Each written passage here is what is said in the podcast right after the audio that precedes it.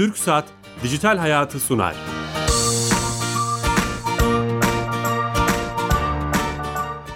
Herkese merhaba, ben Bilal Eren. Teknoloji, internet ve sosyal medyanın daha geniş anlamda dijitalleşmenin hayatlarımıza etkilerini konuştuğumuz Dijital Hayat programımıza hoş geldiniz. Her cuma saat 15.30'da TRT Radyo 1 mikrofonlarında İstanbul Harbiye'de sizlerle beraberiz.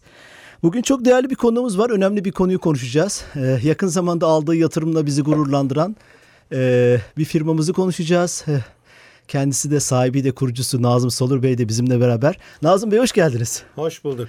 Şeref verdiniz. Soluk soluğa kaldık İstanbul trafiğinde ama harika bir program yapacağımızı düşünüyorum.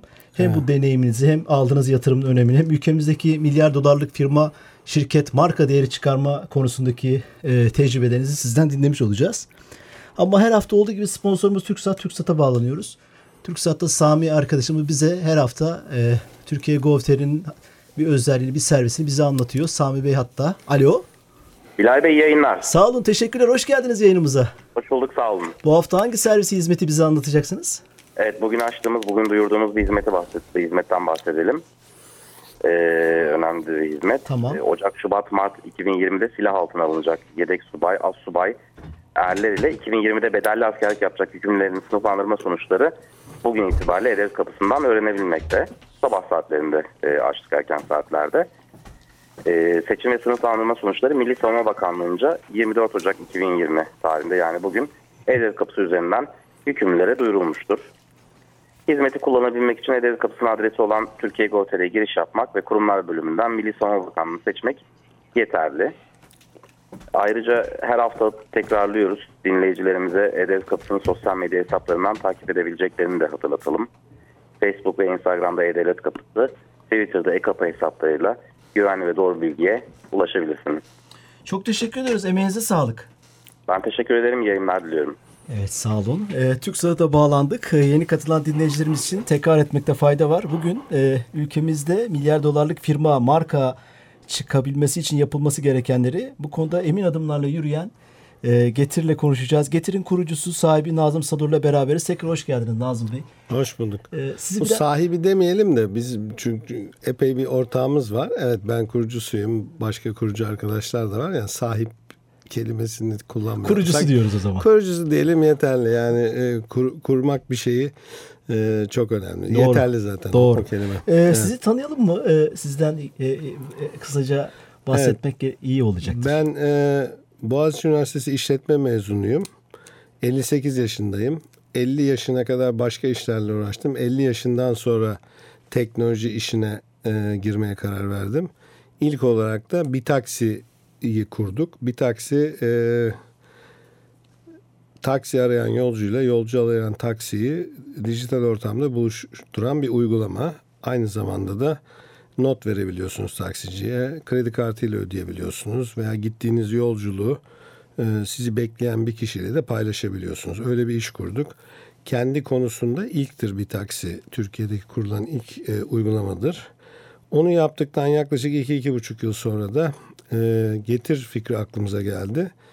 Getir e, farklı bir iş çünkü mesela bir taksi ve benzeri startuplar aslında önce dünyada olan fikirlerin Türkiye'ye uyarlanmış versiyonlarıdır. Yani yine onlar da başarılı işlerdir ama Getir daha evvel dünyada yapılmayan bir işti. Ortalama 10 dakikada 1200 ürünü müşterinin kapısına götürüyoruz. Bu fikir bizim aklımıza geldi. Oldukça zor bir iş bu. Operasyon çok fazla olan, çok teknoloji kullanmak gereken bir iş. Ee, bunu aklımıza geldi. Bunu yapmaya karar verdik 2015 yılında. Çok da yakın bir zamanda. Evet, e, neticede e, başarılı da oldu. Bugün iyi bir yerde büyümeye devam ediyor. İnşallah yurt dışına da açacağız. E, işte son zamanda da e, bir yatırım aldık yurt dışından. Silikon Vadisi bazı e, meşhur bu konularda yani geçmişte çok bilinen şirketlere Google gibi e, efendime söyleyeyim LinkedIn gibi bunlara erken aşama yatırım yapmış bir yatırımcı Michael Moritz e, bizim yatırımcımız oldu getirde. Bu da e, bir gurur verici bir şey. Çünkü hani o büyüklükte şirketleri erken aşama yakalamış bir insan. Şimdi bizim de geleceğimizin parlak olduğunu düşünüyor demek. Biz zaten öyle olduğunu düşünüyorduk ama bunun bu işlerin erbabı birileri tarafından bir nevi tescillenmesi de e, moral kaynağı oluyor tabii. İşte Financial Times bir haber yaptı bununla ilgili, bu yatırımla ilgili. Derken işte Türkiye'de de geçen hafta konu bizle ilgili konuşulmaya başlandı. Ee, aslında biz dört buçuk senedir yapıyoruz bu işi. Bu bizim aldığımız ilk yatırım değil. Biz getiri kurduğumuzdan beri getiri masraflı bir iş. Peyderpey yatırımlar alıyoruz. Ama bu miktarı ve kaynağı nedeniyle nereden geldiği hani Silikon Vadisi'nin bizi keşfetmesi açısından basında oldukça önemli bir yer buldu. Ve hani bizim bu unicorn denen e, dünyada 450 civarında unicorn şirket var. E, değeri 1 milyar dolar veya üzeri henüz halka açılmamış teknoloji şirketleri bunlar. Yeni nesil şirketler. Mazileri genelde 4-5-6 yıl. E, bu ligde e, işte Türk oyuncular da olsun istiyoruz tabii. Biz de istiyoruz. Türkiye de istiyor. Neticede baktığınızda orada 450 civarında şirket varsa Türk ekonomisi de dünya ekonomisinin yaklaşık e, yüzde 1.2'sidir. Bizim orada 5-6 tane aslında Firmamız olması lazım. firmamız olması lazım normal şartlarda. Maalesef burada biraz gecikti Türkiye. Ee, bir kısım aslında e, startuplar da orada olabilirlerdi bugün. Erken satıldılar burada. Ee, başka yani e, yatırımcının yabancı firmalar geldi satın aldılar. O Türk girişimciler daha e, geç aşamaya ellerinde tutsalardı aslında şu anda belki de birkaç e, İki tane olabilirdi firma orada olacaktı. E, neticede yani Türkiye 82 milyonluk bir ülke. O listede Türkiye'den e, birçok e, isim olması lazım. İlk birkaç isim oraya girerse arkası da gelir. Yani Türkiye bazen bazı konularda geç hareket eder ama açılınca da işler tam açılır. Yani Türkiye mesela turizme geç kalmış bir ülkedir ama 80'lerden sonra turizme ciddi yapılım, yatırım yapıldı. Ve sonuçta şu an ilk 10 arasında dünyada turist sayısı olarak e, yani ekonomide 17-18 olmasına rağmen ilk 10'a girebiliyor turizmde. İşte ne bileyim evvelden sağlık turizmi yurt dışına doğru vardı.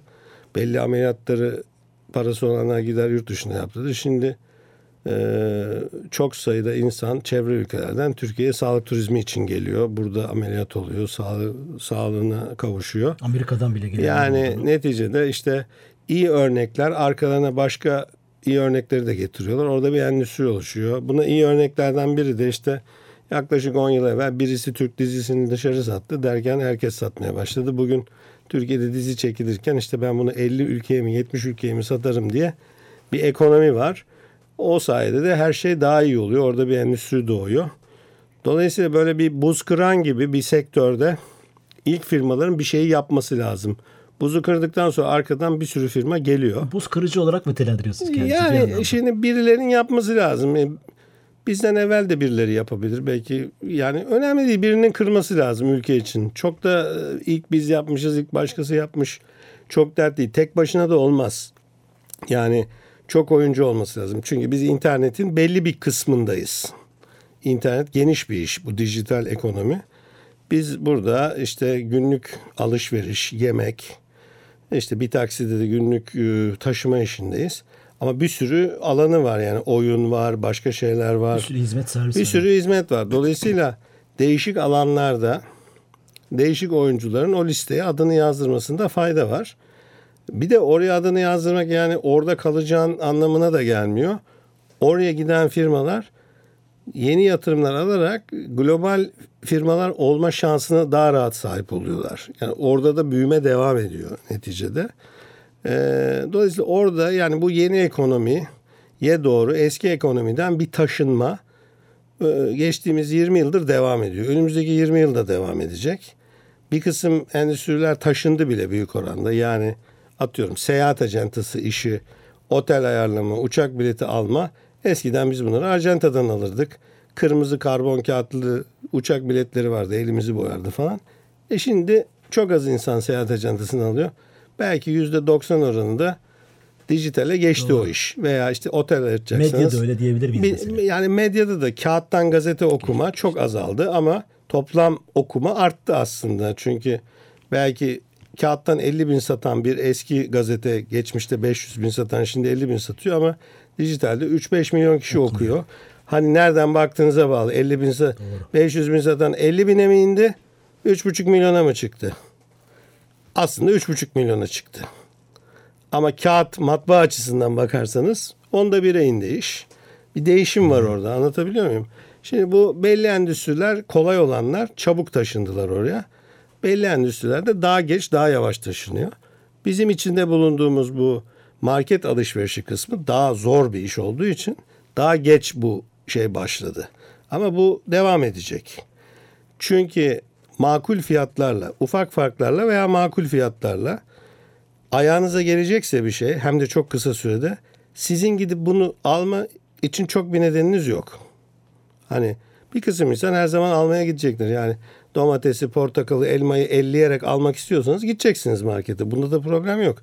Marketler bir senede kapanacak da bütün iş dijitale taşınacak öyle bir şey yok. Demiyorsunuz öyle bir şey. Ya öyle bir şeyin olması da mümkün değil. Yani bankalardan örnek vereyim.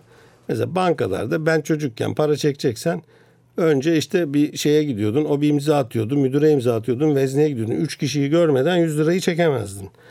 Ee, öyleydi bir para çekme işi. Sonra bu işler hızlandı. ATM çıktı yaklaşık 30 sene evvel.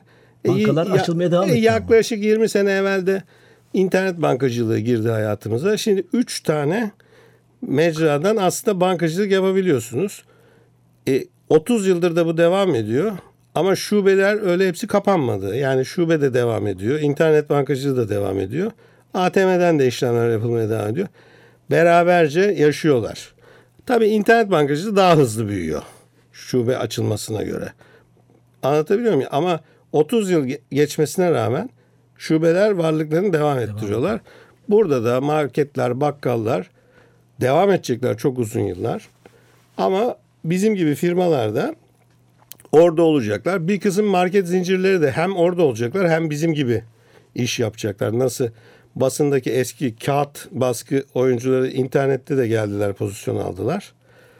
Böyle bir e, yani buna İngilizce coexist etmek deniyor. Beraberce yaşayacağız bu süreci.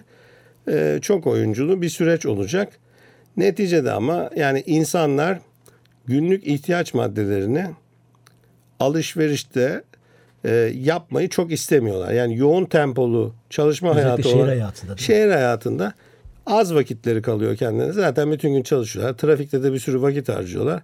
Ondan sonra tam eve gidecekken yarım saat 45 dakika bir saatini raflarda dolaşıp lazım olanları bakmak için harcamak istemiyor. Çoğu insan hafta içi alışveriş de yapmıyor o yüzden. Hafta sonunda biriktiriyor bu işi. E, halbuki işte evinize gittiğinizde yaklaşık 10 dakikada eksik ihtiyaçları bizden istiyorsunuz. 10 dakika da sürmüyor bizdeki işlem. 1-2 dakikada siparişi veriyorsunuz. 10 dakika sonra ziliniz çalıyor. Bir tek kapıya gidiyorsunuz. Çok kolay bizde Çok zor iş. bir operasyon değil mi Nazım Bey? Zor bir operasyon e, ama neticede işte 4,5 yıldır yapıyoruz. Şöyle bir şeyinizi hatırlıyorum Twitter'da. Havalar kötüydü. Biraz geç kalacağız kusura bakmayın. E, şimdi orada şöyle bir zaman. şey oldu. Yani bir tercih yapmak durumundasınız. Şimdi bizim e, iş gücümüzün üçte ikisi motosikletli iş gücü. Üçte biri de o arabayla götürüyor. Böyle, e, mix bir operasyon var. Şimdi o fır, çok fırtına vardı. O yani İstanbul'da öyle fırtına çok nadir olur aslında. Çok yüksek Evet, çok e, süratli şey var. vardı. Şimdi orada Güçlü. motosikletli giden arkadaşların e, yolda gidişini tehlikeye atan e, süratle rüzgar esiyordu.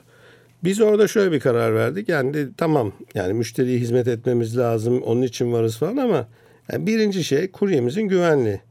Yani orada bir kaza olsun, kalıcı hasar verecek veya Allah korusun can kaybına neden olacak bir şey olsun istemiyoruz. Ee, dolayısıyla o fırtına süresince yani zannediyorum iki gün boyunca belli sürelerde e, İstanbul'da motor e, motosikletli faaliyeti durdurduk. Yani işimizin üçte ikisini Durdurmuş olduk. durdurduk olduk. Durdurduk. Üçte biriyle hizmet verdik. Yani gelirimiz üçte, Müşteriler nasıl karşıladı bunu? üçte iki oranında azaldı. Şimdi müşteri normalde bunun iletişimini doğru yapmazsanız kızar.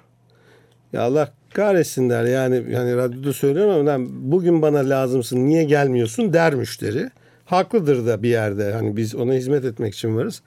Ama biz güzel bir mesaj çıktık aplikasyonda, uygulamada. Dedik ki ya kuryenin güvenliği önemli. Bu havada o yüzden kısıtlı hizmet vereceğiz. Anlayışın Hoşgörünüze sığınıyoruz. Hoşgörünüze sığınıyoruz. Var bir şey koyduk. Ya hocam şöyle bir durum var. Yani bizim insanımız yüzde 95 oranında çok iyi insan bir kere. Nasıl alkış aldık anlatamam. Yani adama hizmet veremeyeceğiz diyoruz. Helal olsun size diyor. Anlatabiliyor muyum? Şimdi o fırtınada neticede benim alışmış müşterim ben hizmet veremedim diye kendi gidip almak zorunda. Ama olsun diyor. Sen diyor doğru olanı yapıyorsun. Yüzde beşi de ya niye getirmiyorsun falan dedi. O kadar o, olur. kadar olacak artık. Ama yüzde 95 siz iyi bir şirketsiniz. Müthiş doğru bir- doğru olanı Kamuoyu yapıyorsunuz. diyor. ölçümü de yapmışsınız. Ya şimdi şöyle mesela bunu anlatmadan yapsanız yüzde 95 kızar. Durduk yere yani adam bastı alamadı getirden hizmet alamadı kızar. Kızmakta da haklıdır. Anlatınca doğru anlatınca anlıyor insanımız. Yani bizim insanımız vicdanlı bir insan aslında. Mesela onun testidir o. Biz de vicdanlı bir şirketiz. Müşterimiz de vicdanlı müşteri. Doğru. Yani o bir para kaybettiğimiz iki gün oldu ama e, insanımızın güzel yanını gördüğümüzde iki gün oldu de, yani. marka Efendim? biliniriniz de artmıştır burada. Mesela Yani artmıştır ben şimdi radyo yayında gelirken bir arkadaşımla konuşuyorum. O mesajdan hatırlıyor sizi. Yani getirebilmiyor ama o mesajınızı... Ama çok samimiyetle söyleyeyim öyle şeyler olsun diye yaptığımız bir şey değil. Doğal olarak o oluyor. Ama yani biz e, yani ciddi para kaybımız oluyor öyle bir şey yaptığımızda. Hani marka bilinirliği için ne bileyim reklam yapmayı tercih ederiz. Böyle hani hiç aklımıza bile gelmez. faaliyeti azaltarak marka bilinirliği olmaz aslında ama e, gerçekten de hani insanları tehlikeye atmamak lazım. Öyle bir şey oldu evet. Evet şimdi e, yeni katılan dinleyicilerimiz vardır belki yolculukta radyosunu TRT Radyo 1 olarak ayarlayan. Tekrar etmekte fayda görüyorum. Te, Getir kurucusu Nazım Savur'la beraberiz Nazım Bey'le beraber. Hem onların deneyimini hem aldıkları yatırımı hem de ülkemizdeki global marka çıkarma yolculuğunu konuşmaya çalışıyoruz. O şey o, o kısmı çok hızlı atladınız. Ee, nasıl fark ettiler sizi Silikon Vadisi'nden? Ee, bu önemli bir kısım. Şimdi onların işi de bizim gibileri fark etmek. Yani şöyle düşünün işte adam menajer yeni işte diyelim şarkıcıların menajerliğini yapıyor meşhurların. Yeni sesleri de bir taraftan keşfetmek istiyor. Anlatabiliyor muyum? Erken başkası keşfetmeden. Şimdi yani Türkiye'ye böyle bakıyorlarmış yani o anlamda. ya hayır şöyle söylüyorum. yani ya Türkiye'ye bakarlar bakmazlar bir kısmı bakar bir kısmı bakmaz. Ee, ama burada şöyle oldu bu şeyde e, bizim Londra bazlı bir investment banker'ımız var. Yani bu işte ona yetki verdik. Dedik ki biz büyü, yurt dışına büyümek istiyoruz. Ee, yabancı yatırımcılara sen getirir anlat dedik. Ee, bu adamdır ilişkiyi kuran. Bu adam işte bu Michael Moritz'e bizi anlattı. Derken biz bir e, video konferans yaptık. Ondan sonra ben bir Amerika ziyareti yaptım. Orada onunla ekibiyle görüştüm. Onun hemen sonrasında Brezilya'da bir şey vardı teknoloji konferansı. Ben de oraya davetliydim. Tesadüfen bu e, Michael Morris de oraya davetliydi. Orada bir daha görüştük. Oradaki görüşmede ben dedi Türkiye'ye gelsem haftaya sizi bir de yerinizde görsem ya de hocam tabii buyur dedik zaten biz misafirperver milletiz. Ee, geldi e, Türkiye'ye. E, ondan sonra burada işte bir, bir gün geçirdik. Akşam misafir ettik onu. E, anlattık şirketi falan. Zaten daha evvel anlatmıştık. E, orada da akşam elimizi sıktı. Ben sizin ortağınız olmak isterim dedi. Ondan sonra tabii bir e, kağıt işleri, bir, bir kısım prosedürler var vesaire. birkaç ay süren. Onlar oldu. İşte sonrasında da bu e, şey yatırım gerçekleşti. Yani e, bizzat gelip yerinde şeyi gördü Michael Moritz. E, bu da e, önemli bir şey. Çünkü e, değişik bir şey yapıyoruz, orijinal bir şey yapıyoruz. Yani bir kısım işler var. Her ülkede o işler yapılıyor. Değişik oyuncular yapıyor. İşte bizim mesela bir taksi biz burada yapıyoruz. Yunanistan'da da başka bir bir taksi gibi bir şey var. Romanya'da Almanya'da başka var, var Almanya'da başka var falan. Her yerin kendi bir markası var veya birden fazla markası var. Bunlar birleşir veya e-ticarette işte bizde 3-5 marka var. Dünyanın her yerinde de var o 3-5 marka. Yerliler veya bilinen yabancılar falan. Bu tek bir iş. Yani orijinal bir iş olduğu için farklı bir e, dikkat çekiyor. Aslında bizim getirde sattığımız birinci şey zamandır. Yani o 1200 ürünü satarız ama Birinci şey zamandır 1200 ürün sonra gelir. Yani onlar ikincil sattığımız şeyler. Zamanı size bırakarak onun rahatlığını satıyoruz biz size. Yoksa bizim sattığımız o 1200 çeşit ürün her yerde satılan yerde bir ürün yani. Sokağa çıktığın zaman bakkalda, markette, orada burada var. Yani o ürün yüzünden bizi kullanmıyorsunuz. bunu. Onların da elektronik işte e-ticaret e, Evet, teslimat e, sistemleri var. Bizim kadar hızlı değiller ama ama onlar da giderek hızlanıyor. Yeni hızlı modeller geliştiriyorlar. Ee, ve hani rakibimiz var artık. İşte Yemek Sepeti bu işin içine girdi. Bir marka yarattı bana bir diye yaklaşık bir, bir yıla yakındır. Ee, onlar da bu piyasada oyuncu oldular. Ee, başkaları da e, gelebilir bu Global piyasaya. bir firma var. O çıkmak üzereymiş galiba. Öyle bir haber. E, Glovo diye bir firma işte Türkiye'den çekileceğini açıkladı birkaç gün evvel. E, o da bir İspanyol firması işte 18-19 ay evvel girdi piyasaya. E, burada belli de bir epey bir emek harcadılar. E, hatta onlar birçok ülkede faaliyet gösteriyor. Yeni de unicorn olmuş bir firmadır yani bir 165 milyon dolar yatırım aldılar. E, benim için de sürpriz oldu yani hani e, para imkanları da olan bir firma. Ülkemizde mi ilgi bir çıkışı yoksa onun global bir karar mı? Ya şöyle Detayı orada tabii musunuz? bizim aslında çıkışın nedeni ülkemizle ilgili değil. Ekonomik bir karardır o. Yani Glovo'ya burada e, yani Türk ticaret ortamı kötü bir şey yapmadı. Biz de yapmadık. Yani bir temiz bir rekabetti bu rekabet. Yani bir kötü bir ilişkimiz yoktu. E, Şirket bizim kararı. ve yemek sepetinin yüksek dozlu rekabeti yani bana bir vasıtasıyla bizim işlerimizin, bizim rakamlarımızın e, büyüklüğü e, nedeniyle belki böyle bir kararı verdiler. E, yani onların adına da konuşmamam lazım aslında ama temiz bir e, Onu soracaktım. rekabet Türkiye içindeydik. bir problem olmadı. Yani onların kurucusunu ben tanıdım. Genç böyle 30 yaşın altında bir arkadaştır. Yani neticede bu, bu adamlar da e, bizim gibi dijital ekonomiye gönül vermiş insanlar. Bazen işte bazı piyasalarda işler istenildiği gibi gitmeyebiliyor. Onların da Türkiye'de işler istenildiği gibi belki gitmedi. Ama hani e, bunlar normal şeyler. Hani biz yolumuza devam edeceğiz. Neticede bizim işimiz e, direkt rakibimiz de değildi. Yani o daha çok yemek siparişi yapan bir şeydi. E, yarın başkaları da gelir yabancı. Türkiye'den de yeni oyuncular da girer. Bu piyasa çok oyunculu önümüzdeki 3-5 yıl devam eder. Çok yani oyuncunun olması iyi mi Nazım Bey? ya çok oyuncunun olması tabii tüketici için iyi. Ee, ama neticede her oyunun kaldıracağı bir oyuncu sayısı var. Doğal olarak o oyuncu sayısı önce azdır, sonra gereğinden fazlaya çıkar, sonra normal bir yere oturur o iş. Kendi doğal akışında 3 sene, 5 sene, 10 sene neyse piyasasına göre her oluşan yeni piyasada. Ama bir işin tabii serbest rekabet içinde yapılması bizi yorar oyuncu olarak. Ama yorulacağız. Yapacak bir şey. Tüketici için iyidir yani. Biz de rekabetin olmamasını hesap etmedik. Zaten hatta rekabet dördüncü yılımızda geldi. Biz daha ikinci, üçüncü yılda gelir zannediyorduk. Gecikerek geldi rekabet. Bu bizim için e, şey yani. İyi bir şey.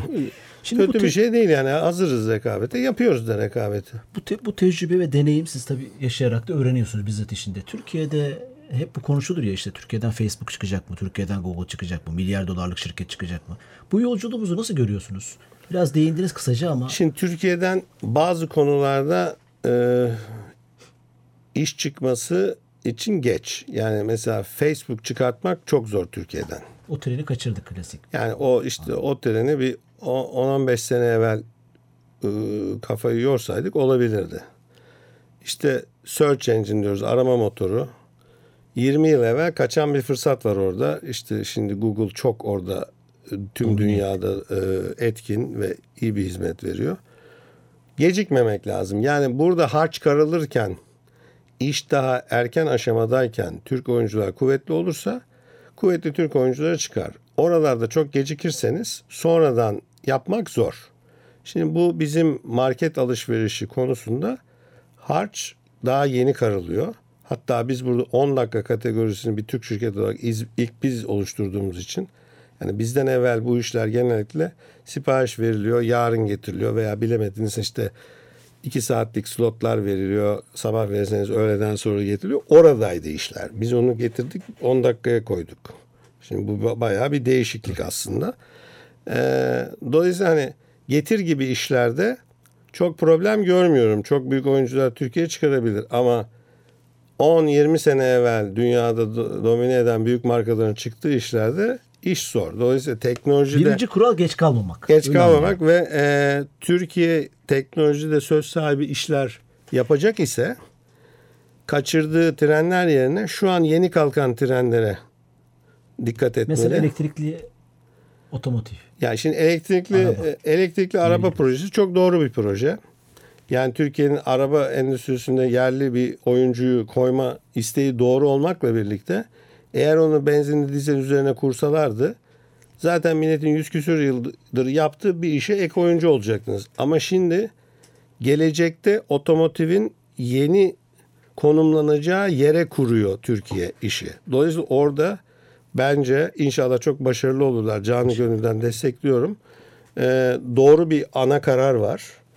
İnşallah da araçlar araçlar da şık e, çıktığında hani yaygın kullanacak doğru fiyat performans oranına sahip araçlar olur. İyi de bir başarılı iş olur o iş. Umuyoruz yani orada e, ama ana fikir doğru. Benzinli yapsalardı yanlış olacaktı bence. Doğru. Yani yeni oluşan şeye e, daha yeniyken oraya girmek lazım. Sizin tabirinizde harç karılmadan. Ağaç karılırken girmek Evet, lazım. Yani tamam. bu biraz şey gibi emlaktan örnek verelim. Yani zaten şehrin 100 yıllık en pahalı yerinde yer yok yani alacağınız. Ama şehrin yeni oluşan yerinde kuracaksınız. Zaten orası değerlenecek. Orada yapmamız lazım işi bizim. Anladım. İkinci kural sizce veya böyle bir sıralama yapacak olursak hani global marka çıkarmak için. Ya global marka çıkarmak Mesela için yeteneği, onu kuran kuran e, insanların çok sabırlı olması lazım. Yani erken de çıkmamaları lazım işten. Yani 3 5 7 yıl sonra diyelim satıp çıkmak doğru değil. Daha uzun perspektifte baksınlar işe. Hatta yani satıp çıkmak tek opsiyon da değil. Ee, yani işten küçük hisseler satılıp e, insanlar kendi şahsen de zenginleşebilirler ama işlerini satmak zorunda değiller. E, işlerin çoğunluğunu ellerinde tutarak 10 yıl 20 yıl devam etmeyi de akıllarının bir ke- kenarında bu- bulundurmalılar. Yani ben burada yabancıların işte yatırım yapmasına, şirket kurmasına, almasına karşı değilim ama yani Türk girişimcilerin de bütün her şeyi satmasında doğru değil yani 82 milyonluk ülkeyiz. Biraz Türklerde olur işler, biraz yabancılar olur. Doğru bir mix olması daha sağlıklı olur diye düşünüyorum. İnsan kaynağımız yeterli mi bu işler için? Hem evet hem hayır. Ee, Türkiye'de müteşebbis insan sayısı Avrupa'ya göre daha fazla oran olarak. Hevesli insan çok. Ee, kaynaklar olsa çok daha fazla sayıda startup kurulur. Ama bunların hepsi donanımlı insan mı? Pek değil ama hevesleri yüksek. Donanımlı insan sayımız fena değil. Ama yazılım sektöründe açığımız var. Çok ciddi açığımız var. İnsan bulmakta zorlanıyoruz. Buradan bir mesaj da verelim eğer e, dinleyenler varsa yetkili. E, okullarda yazılımcı e, yetiştiren, bilgisayar mühendisi ve yazılım mühendisi yetiştiren bölümlerin kapasitelerinin süratle yani misli misli artırılması lazım. Çok İki, şey var. üç bu misli artırılması hayatı, lazım. Robotik kurslar falan ama çok yetersiz Yani oluyor. kurs e, değil. Yani bu kursta da olur da kursdan ziyade daha baştan Müfredata buralara insanları yönlendirmek müfredatta. Yani mesela birçok üniversitede, bilinen üniversitede eşit olarak şey arıyor. Diyelim ki 100 tane makine mühendisi, 100 tane elektrik mühendisi, 100 tane kimya mühendisi, 100 tane bilgisayar mühendisi. Ben şunu demiyorum yani 100 tane makine mühendisi yeri açın, açmayın demiyorum. Açın yine. Ama 100 makine, 100 elektrik mühendisi yapıyorsanız 300 tane bilgisayar mühendisi pozisyonu açın. Ona çok ihtiyacımız var bizim. Yani giderek de artacak bu ihtiyaç. Türkiye'nin önünde de güzel fırsatlar var. Bu fırsatları yapacak.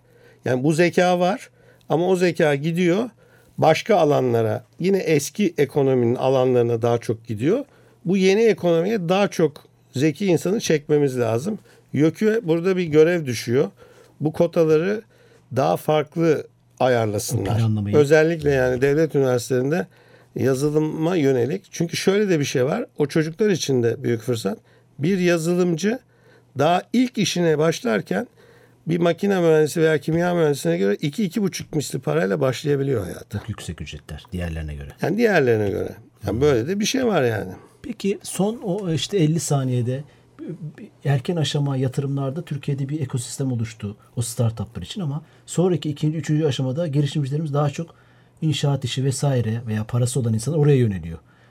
Orada bir eksik görüyor musunuz? Hani Ya görmez miyim? Şimdi Türkiye'de mesela bizim dışımızda kaç para yatırım yapılıyor senede baktığınızda işte 30 40 50 milyon dolar bir yatırım oluyor. Şimdi bakın biz e, Taksim'e yakınız yani burada Elmadağ'daki e, TRT binasındayız.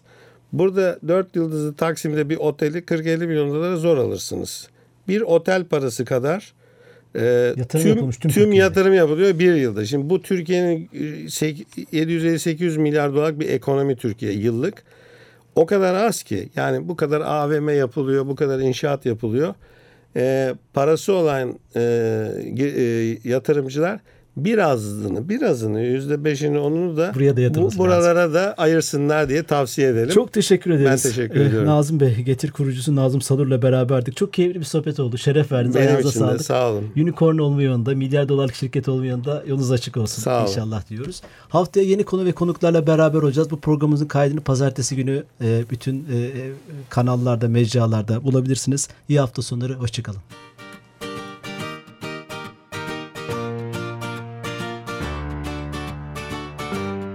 Türk Saat Dijital Hayatı sondu.